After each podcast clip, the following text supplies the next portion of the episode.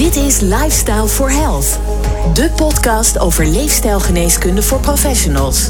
Luister naar de laatste wetenschappelijke inzichten, werkende interventies en verhalen uit de praktijk. Met experts en vakgenoten gericht op gezondheid, gezondheidszorg en wetenschap. Verouderen doen we allemaal, dat is een feit. Een ongezonde leefstijl kan die veroudering versnellen en de kans op ziektes vergroten. Miljoenen Nederlanders hebben een ouderdomsziekte zoals diabetes, hart- en vaatziekten of dementie. En door de vergrijzing neemt het aantal fors toe. Goede nieuws is dat een gezonde leefstijl de veroudering juist kan afremmen en ziektes kan voorkomen. In twee podcasts delen we de kennis over de invloed van een gezonde leefstijl op veroudering. En hoe we die kennis kunnen toepassen. In deze eerste van twee afleveringen staat de vraag centraal: gezond ouder worden, waarom is dat belangrijk en hoe doe je dat? Te gast zijn David van Bodegom. Hij is hoogleraar vitaliteit in een verouderende populatie bij het LUMC. En auteur van onder andere Ontpillen. En Suzanne Woperijs. Zij is Principal Scientist bij TNO. Deze podcast over gezond ouder worden wordt mogelijk gemaakt door TNO, LUMC en Mensis. David en Suzanne, wat leuk dat jullie er zijn. Ja, dankjewel. Uh, uh, om het maar gelijk heel praktisch en concreet te maken. Uh, onze luisteraars luisteren nu naar deze podcast. Die horen wat wij zeggen. Wat moeten ze eigenlijk doen tijdens die podcast? Wandelen. Wandelen, Suzanne. Ja? Ja, dat lijkt mij wel een goed idee. Oké, okay. dus, dus als je dit aan het luisteren bent en je, je staat stil of je, je ligt op een bank of je bent niet aan het bewegen, dan is ons eerste advies nu al pauze zetten, schoenen aan, naar buiten en wandelen. Ja, dat lijkt mij een heel goed idee. Ja, en dan vertellen we aan het eind van de podcast, die ongeveer tussen de 30 en de 40 minuten gaat duren, schatten we in, vertellen we eigenlijk wat, wat dat voor effect is geweest. En dan hebben we gelijk een cliffhanger. Alright. Dat is mooi. Nou, uh, fijn dat je je schoenen hebt aangetrokken. Fijn dat je weer aan het wandelen bent geslagen. Uh, geniet ook een beetje van de natuur. Kijk lekker om je heen en luister naar ons. Dat is hartstikke leuk. Uh, ik wil graag beginnen met een stelling voor jullie allebei, David en Suzanne. En de stelling luidt: een pil die allerlei verouderingsziektes voorkomt, die komt er nooit. Leefstijl zou met stip op één moeten staan in het voorkomen van ziekte. En ook in de behandeling van verouderingsziektes. David, wat, wat, hoe reageer je op die stelling? Ja, als je nadenkt wat het verouderingsproces is, het is natuurlijk eigenlijk ja, een, ons lichaam slijt van het gebruik van het lichaam, net als de auto slijt en de wasmachine. Um, en dat is een heel complex proces, wat in allerlei verschillende weefsels en verschillende cellen uh, zich voltrekt. Dus het idee dat er met één pil dat probleem in al die organen, die slijtage kan voorkomen of weer terugdraaien, ja, dat is uh, niet iets wat ik in de nabije toekomst uh, verwacht. En ik denk ook niet dat we daarop hoeven te wachten. Uh, want we weten wel hoe je wel een groot deel van alle verouderingsziekten positief kunt beïnvloeden. Dat is namelijk door ehm, gezonder te leven. En okay. dus ja, je hebt niet meer nodig dan een paar wandelschoenen. En ik zou niet wachten op die pil. Dat klinkt als een goedkope oplossing, een paar wandelschoenen. Ja. Ja, en ik sluit me daar volledig bij aan als ik daar op in mag haken. Dus uh, voor mij zijn de oogkleppen uh, afgegaan bij een van de eerste onderzoeken die ik ooit bij TNO waar ik bij betrokken ben geweest. Dat was namelijk een pre-klinische studie. We deden een studie, dat was een muizenstudie en die gingen we diabetes laten krijgen. Dat deden we door een slecht dieet, om het zo maar te zeggen.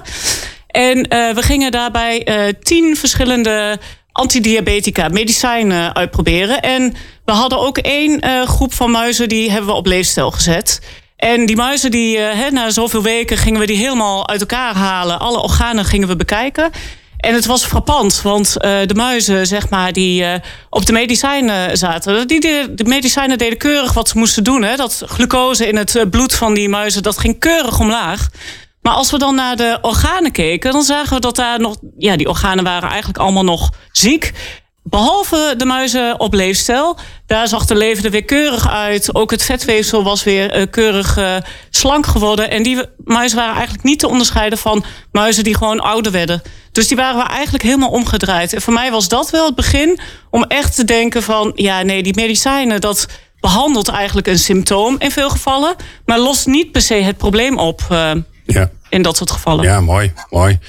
David, even zodat, zodat wij het weer scherp hebben. Hè. Waarom komt, uh, komen kwalen met de leeftijd? Wat, wat gebeurt er dan in het lijf? En ik snap dat dat ingewikkeld is, maar wat is de, de, de basis van het vraagstuk eigenlijk?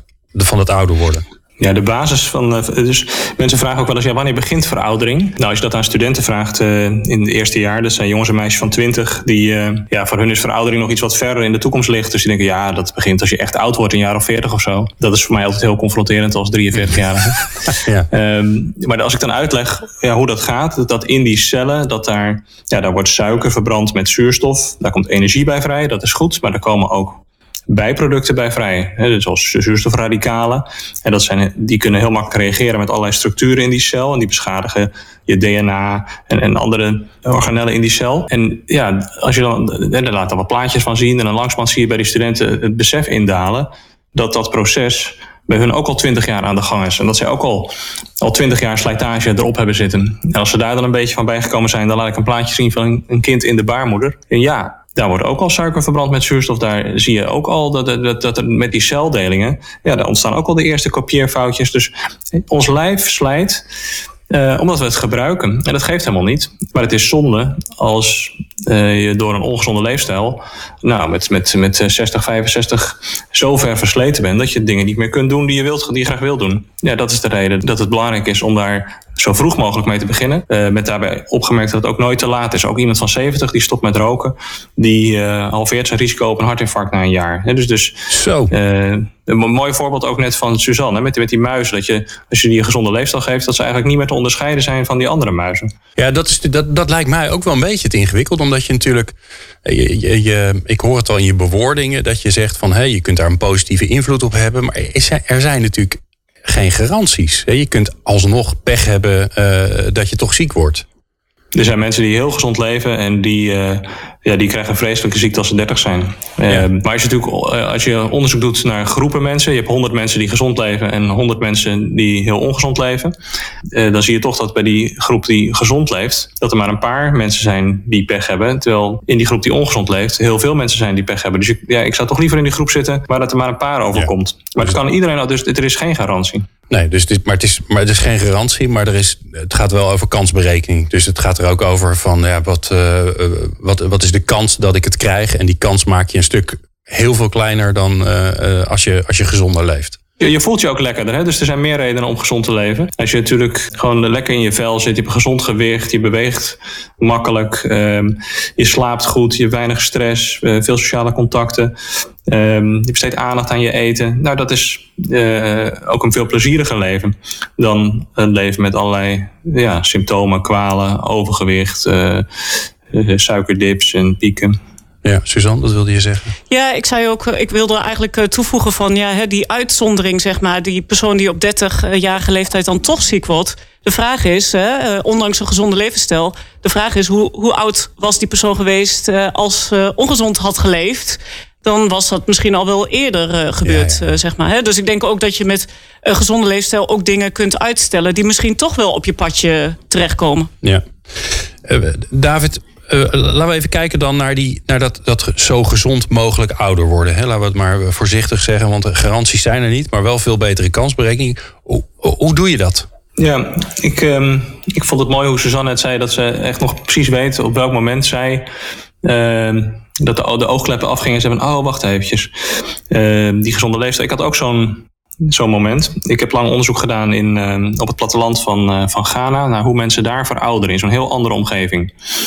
Um, nou, als je die mensen oude Ghanese medisch onderzoekt, dus je maakt hartfilmpjes, je doet bloedonderzoek, ja, dan kom je tal van kwalen tegen. De malaria, uh, parasitaire infecties, uh, veel infectieziekten. Um, en ook wel slijtageklachten. Uh, maar de typische verouderingsziekten die je elke dag in de Nederlandse praktijk ziet, dus de type 2 diabetes, de ouderdomsuiker, hart- en vaatziekten, ja, die, die, die komen daar bijna niet voor. En Um, de vraag is van ja, dokters hebben toen gedacht van nou dat moeten we uh, vertellen aan mensen. En uh, dat was sinds uh, ja, de, helft van de vorige eeuw, midden vorige eeuw, weten we al goed ja, dat wel wat, wat zijn risicofactoren voor hart- en vaatziekten, hoe kun je dat, hoe kun je een hartinfarct voorkomen.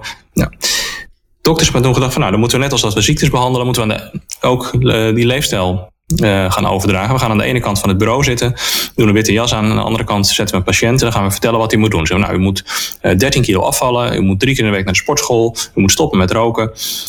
En die mensen ja. die luisteren maar niet. Er werd even een recept um, uitgeschreven eigenlijk.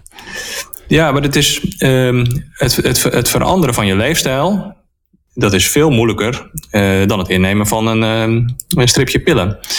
En dat geeft ook helemaal niet, want de gezondheidswinst is ook vele malen groter. Als het je lukt om dat vol te houden. En ja, helaas, na, na tientallen jaren uh, gezondheidsadvies en in alle standaarden van de huisarts staat dat als stap 1.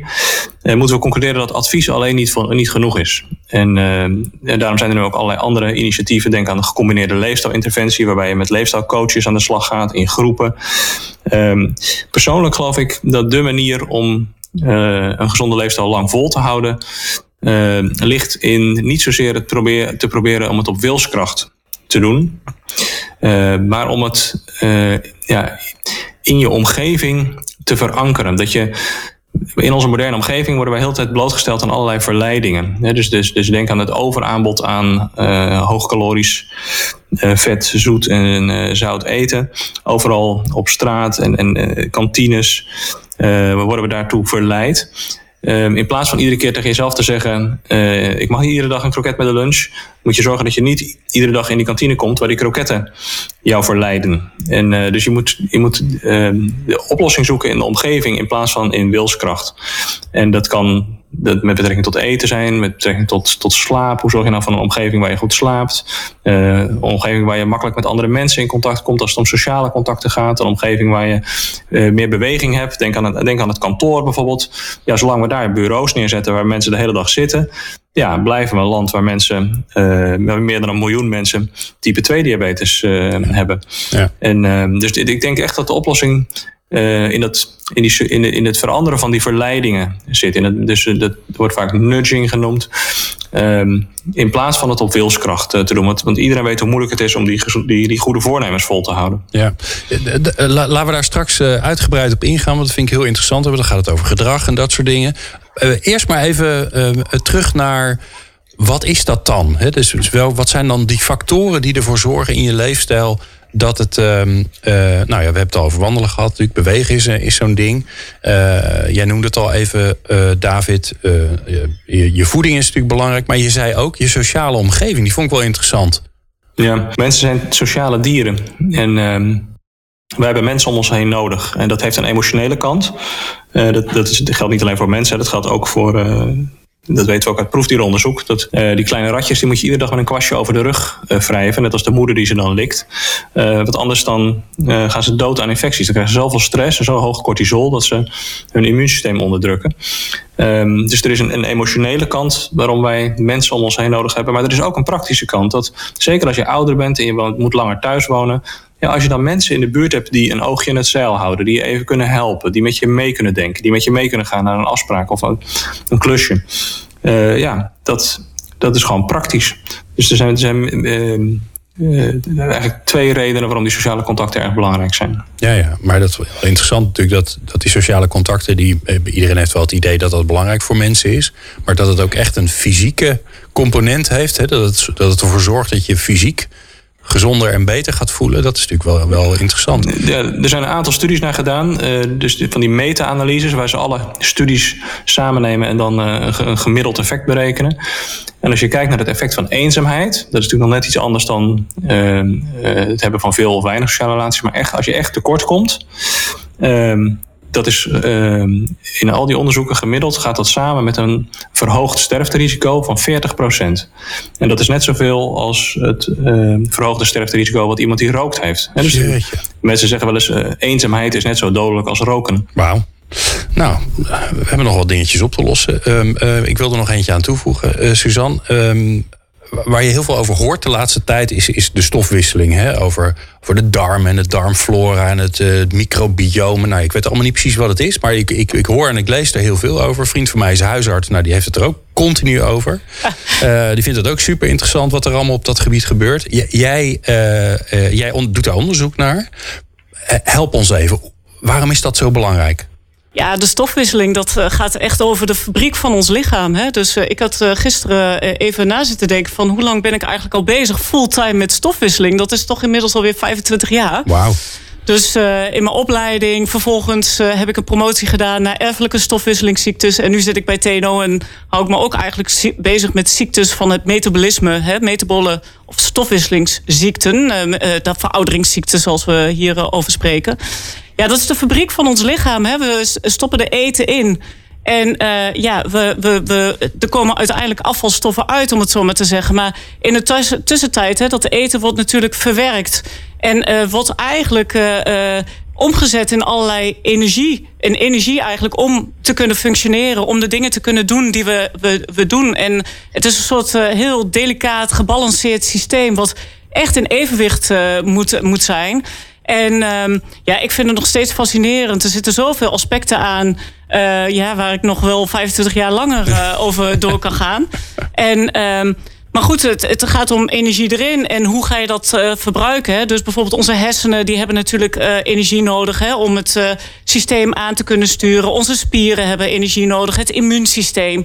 En um, nou ja, goed, uh, ja, het is fascinerend hoe dat allemaal precies werkt. En uh, welke enzymen of eiwitten daarbij betrokken zijn. En hoe dat allemaal omge omgezet wordt. Het is eigenlijk een wonder dat dat, uh, dat in de meeste, werkt. Dat het allemaal werkt en in de meeste gevallen goed gaat. Hè? Dus tijdens mijn promotieonderzoek was ik natuurlijk bezig met erfelijke stofwisselingsziektes. Ja, die zijn eigenlijk heel zeldzaam, zeg maar. Het komt haast niet voor dat het echt genetisch dusdanig misgaat. dat, dat, hè, dat er op die manier een een ziekte ontstaat.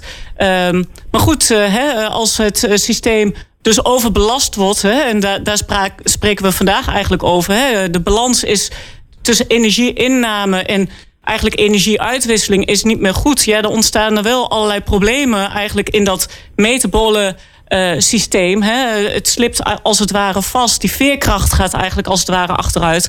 Um, en dan ontstaan er de, die ouderdomsziektes uh, waar, we, waar we het vandaag over maar hebben. Nu noem je een interessante woord, veerkracht. Ja. Veerkracht in je, in je stofwisseling of systeem, of misschien wel überhaupt in je, in je, in je lijf. Wat, wat moet ik me daarbij voorstellen? Ja, veerkracht. Uh, ik, ik doe veel onderzoek naar meta, wat, wat wij dan noemen metabole veerkracht. En uh, ja, wij doen dat aan de hand. Veerkracht, dat is eigenlijk de. Uh, capaciteit die een persoon heeft om om te gaan met, in, in dit geval, een metabole uitdagingen. Uh, en wat we dus doen in ons onderzoek is dat wij vaak gebruik maken van een milkshake. En die milkshake die heeft dan veel vet, veel suiker en ook wat eiwit.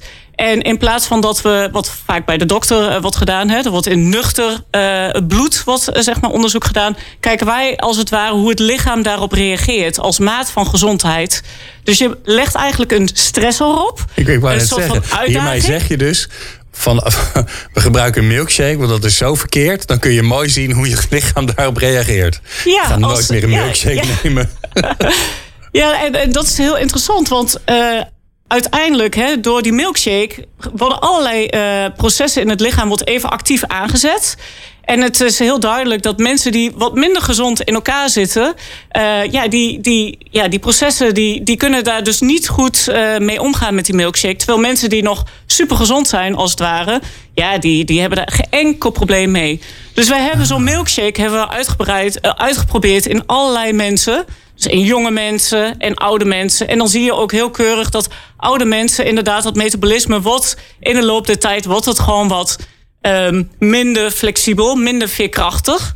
Maar goed, dat is normaal. Dat gebeurt ook hè, met onze huid. We krijgen rimpels, et cetera. Alles wordt iets minder flexibel. Maar we hebben ook gekeken in mensen met, uh, ja, die normaal uh, lichaamsgewicht of normaal uh, vetpercentage hebben. mensen die wat meer body lichaamsvet hebben. En mensen die echt overgewicht of obesitas hebben.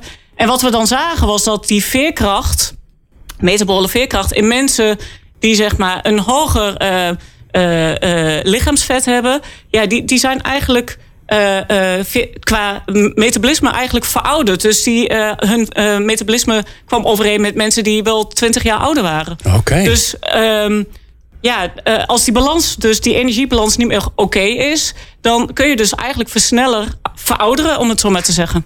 Ja, ja, ja. Dus als ik het. Dus stel je voor dat je heel gestructureerd en heel gezond zou eten dan, uh, dan heb je die veerkracht eigenlijk van je metabolisme niet zo heel erg nodig. Maar aangezien we dat allemaal niet doen, Uh, en zo'n milkshake is een mooi voorbeeld. Dus, dus, dus, of je eet een keer te, te, zwaar of te veel, of je drinkt een keer te veel. Dan moet je, ja, da, dan moet je gaan herstellen eigenlijk.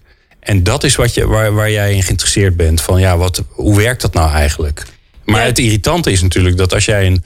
Niet, ik betrek natuurlijk in het, ondertussen ook alles op mezelf. Hè. Dat, zo, dat, dat zullen jullie allebei wel last van hebben. Dat je, dat je ook denkt van ja, hoe zit dat bij mij eigenlijk? Maar als je dus um, een gezonde leefstijl hebt, dan blijf je veerkrachtiger. Klopt, ja. En als je een ongezonde leefstijl hebt, heb je die veerkracht eigenlijk veel meer nodig.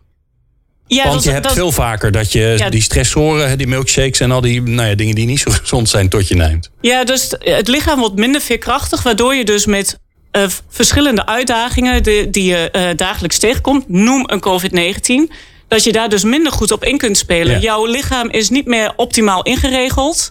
En dus het immuunsysteem, wat veel energie nodig heeft, de, die energie kan er eigenlijk niet meer uh, voor beschikbaar worden gemaakt. En daardoor ontstaat er eigenlijk, hè, als je dan zo'n infectie bijvoorbeeld krijgt, krijg je daar veel meer de gevolgen van ja. te zien. Word je ernstig ziek, als het ware. En dat is niet alleen bij COVID-19. Maar dat, die, dat is de laatste tijd natuurlijk veel in het nieuws geweest. Hè, dat juist mensen met uh, voor oudere, ja, oudere mensen, maar ook mensen met allerlei ouderdomsziekten, zoals diabetes. Ja, die hebben gewoon ernstige verschijnselen. Maar dat is ook hetzelfde als met griep of andere infecties. Hè? Dus als je minder veerkrachtig bent, uh, neemt ook je weerstand als het ware af en word je ernstig ziek van bijvoorbeeld infecties. Ja. Wat wel een belangrijke vraag is aan jullie allebei, denk ik, is: oké, we weten dus, uh, uh, ongezonde leefstijl zorgt ervoor voor dat dat verouderingsproces eigenlijk versneld gaat. Hè? Dus dat, dat relatief jongere mensen lijken alsof ze een ouder lijf hebben, of hun cellen lijken ouder. Um, jij zei het al even, Suzanne. Ja, we, hebben bij die muizenonderzoek gedaan dat als je dat verandert. Dus, dus jullie hebben ze eerst een beetje ongezond gemaakt. En toen hebben ze daarna een leefstijlinterventie gegeven. Oftewel gezond eten. En waarschijnlijk mochten ze lekker in een ratje rondrennen. Um, uh, dan kan het weer de goede kant op gaan. En want dat is natuurlijk de, de beetje de belofte van leefstijlgeneeskunde. Dat je iets wat verkeerd is dit weer de goede kant op krijgt. Dus David, laten we daar eens even naar gaan kijken. Hoe kun je dat verouderingsproces dan afremmen of misschien zelfs wel een beetje weer omdraaien? Ja, de laatste jaren is uh, veel onderzoek gedaan, met name naar uh, type 2 diabetes. Daarvan was al heel lang bekend dat uh, een gezonde leefstijl kan helpen om dat te voorkomen. En ehm, ja, er wordt wel berekend dat 90% van de type 2 diabetes in principe te voorkomen zou zijn met een gezonde leefstijl. Um, maar de laatste jaren is het ook veel... Ja, dat geldt overigens ook voor, voor hart- en vaatziekten. Dus in de Lancet is een keer berekend dat 90% van de hartinfarcten onder mannen en 94% van de hartinfarcten onder vrouwen in principe te voorkomen is als je uh, ja, een aantal beïnvloedbare risicofactoren, uh, waarvan een groot deel uh, leefstijlfactoren zijn, ehm, zou behandelen. Dus over de, over de, over de kracht van leefstijl. Um, maar bij diabetes is veel onderzoek gedaan van, nou, maar als je nou al, als je nou al diabetes hebt, hè, type 2 diabetes, uh, kun je dat dan ook weer, kun je weer genezen dan. Uh, en dat is eigenlijk bijzonder, want dat is een ziekte geweest die we altijd als een chronische ziekte beschouwd hebben, waarvoor je de rest van je leven pillen moest slikken en soms zelfs op een gegeven moment insuline moest spuiten. Ja. En uh, ja, er zijn allerlei studies gedaan. Als je dus mensen met type 2 diabetes in, het, in de beginfase van hun, van hun ziekte, uh, als er nog enige restcapaciteit zit, zeg maar, in, uh, in, het, in het lichaam, ja, dan kun je die mensen genezen. Die kunnen stoppen met hun pillen, die krijgen weer normale bloedsuikers. Maar dan moet je wel echt echt meer bewegen en ook echt anders gaan eten. En er zijn nu tal van initiatieven. Keer diabetes om, uh, de Diabetes Challenge, uh, je leefstijl als medicijn. Die mensen begeleiden om uh, ja, met leefstijl uh, die diabetes om te keren en uh, in remissie te brengen. Ja, we hebben in, en, in een eerdere podcast van Lifestyle for Health uh, we hebben het uitgebreid hierover gehad. Hè? Um, naast diabetes zijn er dan ook andere, met, we noemden in het begin al even de hart- en vaatziekten, daar heb je iets over gezegd, maar bijvoorbeeld Alzheimer. Ik denk dat dat ook een van de grote vraagstukken van onze tijd is natuurlijk van ja, eh, waarvan we volgens mij ook nog heel veel dingen niet weten. Hoe zit het met het invloed daarop? Ja, dus eh, over hart- en vaatziekten. Uh, dus we, we komen er steeds meer achter dat het lichaam veel plastischer is en, en veel meer kan herstellen dan we vaak denken.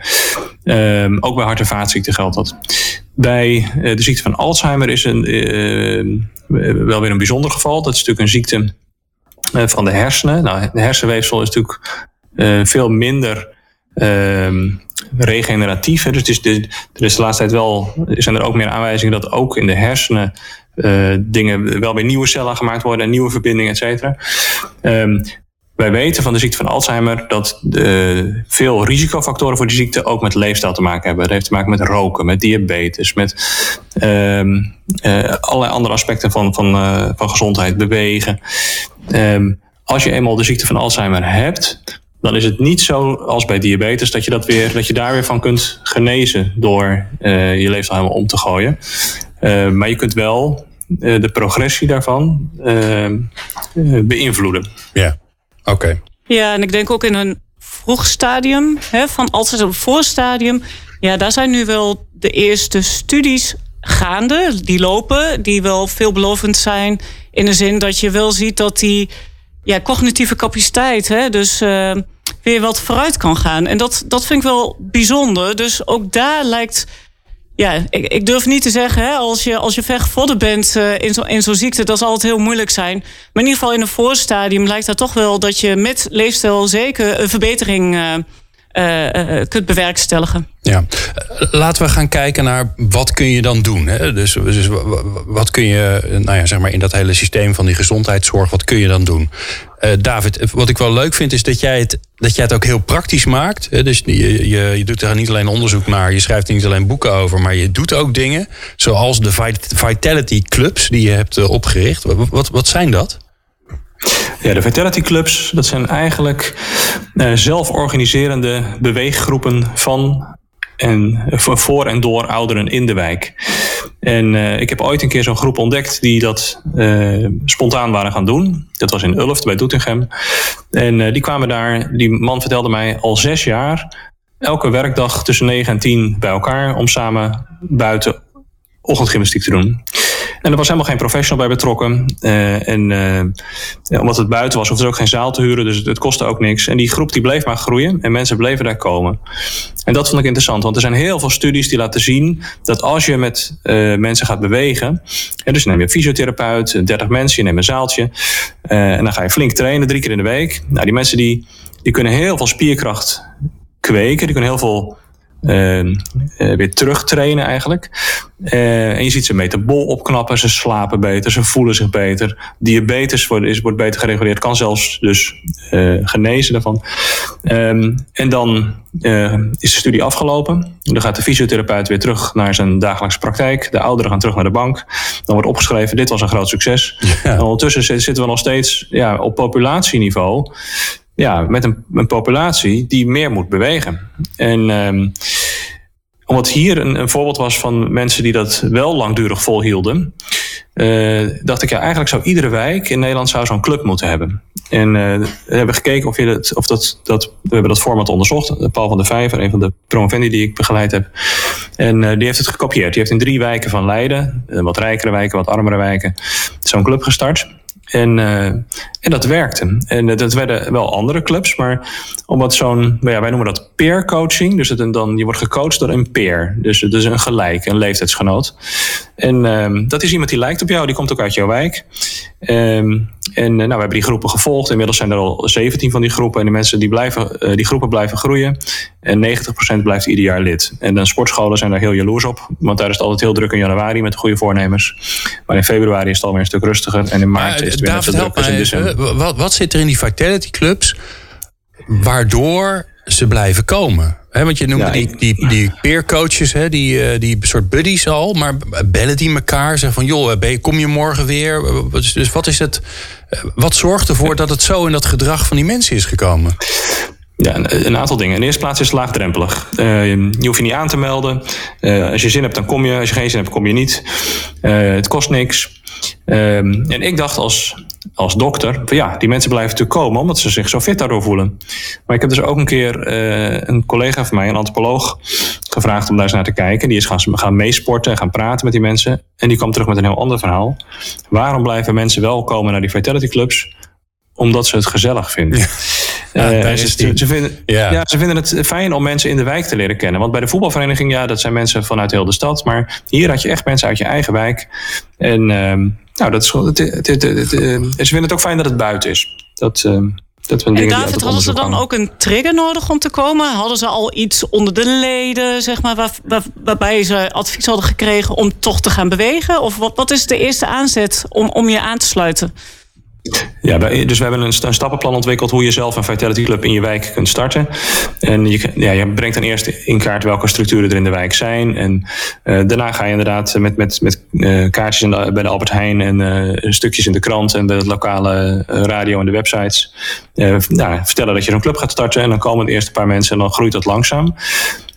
zoals bij alle interventies zie je dat de eerste mensen die komen, dat zijn de fitte, vitale ouderen die ook nog tennis op zondag. Uh, bij wijze van spreken. Uh, en als er dan eenmaal zo'n club is, dan zie je later dat ook al mensen die wat meer kwalen hebben aansluiten. Wij hebben ook geprobeerd of uh, verwijzen door de huisarts uh, misschien een mogelijkheid zou zijn om mensen die nog harder nodig hebben naar die clubs te krijgen. En dat is eigenlijk niet gelukt. Dus, dus ja, het, het, het was moeilijk voor die huisartsen om dat in hun dagelijkse routine eh, om daar aan te denken. Uh, dus we hadden een soort verwijsblokje, konden ze de naam opschrijven en een, een, een kaartje meegeven. was heel makkelijk, dachten we zelf. Uh, maar ondanks herhaaldelijke bezoeken en verzoeken, ja, werden uiteindelijk door, door tien huisartspraktijken 106 mensen verwezen. van die 106 zijn er zes gekomen. Oei. En, en van die zes zijn er vier gebleven. Oh ja. Oei. Dus dat, dat is nog niet. Uh, we zijn nog op zoek naar een manier om, om mensen die al iets verder in het verouderingsproces zijn, naar die groepen uh, te krijgen. Ja. Suzanne, waarom is dat bewegen zo belangrijk voor je, voor je gezondheid? Ja, bewegen is een manier om. Uh, uh, je metabolisme aan te zetten. Hè? Dus uh, uh, door bewegen, er wordt een, moet je lichaam zeg maar, energie gaan vrijmaken. Dus eerst wordt natuurlijk je, je suikers, je glucose, je glycogeen wordt aangesproken. En vervolgens, als je dat wat langer doet, komt ook je vet, je vet wat je in opslag hebt, wordt aangeboord om, om dat ook zeg maar, te gaan verbruiken. Nou, er, gaan allerlei processen in je lichaam uh, die gaan uh, actief worden. Hè? Dus je spiermassa gaat groeien. Dus je spieren, je de bloeding wordt veel beter. daardoor kan er zuurstof komen in je cellen. Je cellen kunnen gevoed worden. Als de cellen gevoed kunnen worden, kunnen ze allerlei um, uh, schade opruimen. Hè? Dus David sprak in het begin al over van uh, veroudering is ook DNA-schade. Nou ja, dat kan, kan het lichaam in principe zelf opruimen voor een deel. Um, ja, dus bewegen zorgt ervoor dat dat soort processen in gang kunnen worden gezet. er komen endorfines vrij, dus dat zijn een soort van gelukshormonen. Je voelt je dus goed. Um, kortom, ja, bewegen is echt essentieel. Is, is eigenlijk hetgeen wat makkelijk te doen is, uh, waardoor je uh, heel veel ehm, ja, in het lichaam qua onderhoud ja. Ehm, ja, vanzelfsprekend aanspreekt. En nou mensen natuurlijk allemaal beelden van, van joggen of fietsen. Iedereen zit tegenwoordig op een fiets. Ik in kluis. Wanneer is bewegen nou gezond? Nou ja, ik zou zeggen, vooral gewoon een dagelijks rondje is al voldoende. Hè? Dus het hele intensieve. En hoe lang moet je dan? Half uurtje. Oké. Okay. Uh, is al prima. Uh, uh, kom lekker buiten en ga even een half uurtje of 40 minuten met een podcast even een rondje doen. Zoals onze luisteraars nu aan het doen zijn. Ja, juist, juist. Ja. En weet je, topspot is in principe juist het, de overkill eigenlijk. Hè? Dat is in principe helemaal niet gezond. Want je spreekt zoveel van je energiebehoeften van het lichaam aan. Dat dat soort mensen nou juist weer meer bevattelijk zijn. Hè? Om ook infecties en dergelijke te krijgen. Dus het moet in balans zijn. Ja. Ja, Too dus, much is echt niet nodig. Nee. Je hoeft niet per se drie avonden de week naar de sportschool eh, te gaan. Het is veel beter om te kijken wat je in je dagelijkse routine, de dingen die je toch al doet, hoe je die iets actiever eh, kan doen. Dus als je op de fiets zit, eh, nou, misschien dat je dan kunt gaan lopen. Ja, dat, uh, als je een kilometer loopt, dan verbrand je drie keer zoveel calorieën als wanneer je een kilometer fietst. En bovendien is het ook ehm, het is goed voor je spieren en voor je botten. Um, op, de, op, de, op de fiets draagt de fiets je gewicht. Maar als je, als je gaat lopen, dan draag je eigen botten je gewicht. En zo train je eigenlijk uh, het lichaam dat kan gewoon in alledaagse dingen zijn. Je, de, dagelijks vervoer of werken in de tuin. Je hoeft, hoeft niet altijd in de sportschool. En de meeste winst zit hem in de eerste stap. Dus je hoeft niet per se die 10.000 stappen te halen. Als je de 4.000 of 5.000 doet, dat is al beter dan, dan, maar, dan 1000 of helemaal niks. Ja, het klinkt, het klinkt ook alsof je moet voorkomen dat je jezelf gaat frustreren. Inderdaad, als je voor die 10.000 gaat en ik heb ook zo'n zo'n smartwatch ding en dan met van die rondjes en als het rondje dan nog niet dicht is, dan heb je toch ook een beetje de neiging om te denken, oh, het is weer niet gelukt vandaag, weet je wel. En dat, ja, dat is niet heel erg motiverend. Nee, ik ehm, vind een mooi voorbeeld vind ik ook van mijn vader. Mijn vader is uh, al 15 jaar geleden of zo uh, gediagnosticeerd geweest met atherosclerose. Hè? Dat is een uh, eigenlijk uh, dichtslibbing van de bloedvaten. Een hart- en vaatziekte, om het zo maar te zeggen. En hij had zogenaamde etalagebenen. Dus hij kon, hè, dat is dan de term voor eh, dat je eigenlijk maar van etalage tot etalage kunt lopen. En dan moet je alweer rusten. Dus zijn systeem zat helemaal dicht. En uh, hij had gelukkig een wijze huisarts die hem echt adviseerde voordat hij een operatie inging van je moet echt gaan bewegen. En mijn vader is heel trouw daarin. Hè. Als de arts het zegt, dan doet hij dat ook. En hij is gaan bewegen. En ik vond dat ook een heel fascinerend voorbeeld destijds. Want eigenlijk hè, rondom de vaten die helemaal dicht zaten... kwamen allemaal weer nieuwe bloedvaatjes. Angiogenese noem je dat met een hele moeilijke term. En die probeerde eigenlijk dat probleem zeg maar, hè, van die dichtzittende vaten uh, te om, omzeilen. En uh, voor wow. mij was dat echt het begin ook om te zien van... jeetje, wat, wat kun je toch veel met zoiets simpels als uh, werken en, en beweging... Hè, um, en uiteindelijk heeft hij wel die operatie natuurlijk ondergaan, want dat was echt nodig. Maar hij is blijven bewegen. En die man die is echt nu uh, nou, ruim in de tachtig. En uh, uh, hij doet het hartstikke goed. Is hartstikke Mooi. vitaal en fit. En ehm, ja. gaat hartstikke goed. Ja. We hadden het aan het begin al een beetje over gedrag. De, de, invloed van de omgeving op je gedrag. Hè? Het feit dat we allemaal lekker naar het EK zitten te kijken. ja. En dan vervolgens staan er inderdaad colaatjes op ehm, uh, bij de persconferentie uh, wordt er inderdaad uh, nogal gesuggereerd om veel bitterballen naar binnen te, te werken. Ehm, ja, dat helpt allemaal niet. Hè? Want naar sport kijken, daar word je volgens mij niet heel veel fitter van. Ehm, misschien gebeurt er iets in het brein, maar dat, dat, daar hebben we het later nog een keertje over. Um, David, jij begonnen over die omgeving hè? En, en de invloed op dat gedrag. Wat, wat moet daar gebeuren? Hè? Want we, kunnen alles natuurlijk bij het individu neerleggen en zeggen: joh, je moet gaan wandelen, het is allemaal niet zo ingewikkeld. Nou, blijkbaar is het ingewikkeld, want we doen het allemaal nog niet. Wat is de invloed van die omgeving en wie moet daar zijn rol in nemen? Ja, dat is echt iets wat ik, ik in Ghana zag. Dat, uh, ja, daar werken mensen heel dag op het land. Uh, en uh, ja, als je water nodig hebt, dan moet je eerst naar de, naar de pomp lopen. En als je water wil koken, dan moet je eerst brandhout gaan halen. En uh, ja, wij hoeven, dat, we hoeven niet meer op het land uh, te werken. Uh, wij zitten hele dagen op kantoor. En ja, dat maakt dat wij eigenlijk ehm, ja, met, het overaanbod aan voeding, dat wij veel te veel eten voor wat wij gebruiken. Dus, dus het is inmiddels zo erg dat er meer mensen zijn met overgewicht dan um, zonder overgewicht in Nederland. Dus dik is het nieuwe normaal. Um, en dan zou je zeggen, nou, is dat dan zo erg? We kunnen toch de stoelen wat breder maken. Uh, maar ja, dat is toch wel een heel belangrijke reden uh, dat wij uh, als populatie worstelen met die hart- en vaatziekten. En dat we meer dan een miljoen mensen met ouderdomssuiker hebben. Dus ik, als dokter moet ik dat toch een probleem vinden. Ja, ik merkte um, laatst zelf, ik bestelde een t-shirt en ik, ik had altijd extra large. Ik heb brede schouders en ik ben ook wel iets te zwakker. Ja. En, en ik deed het shirt aan. Het was veel te groot.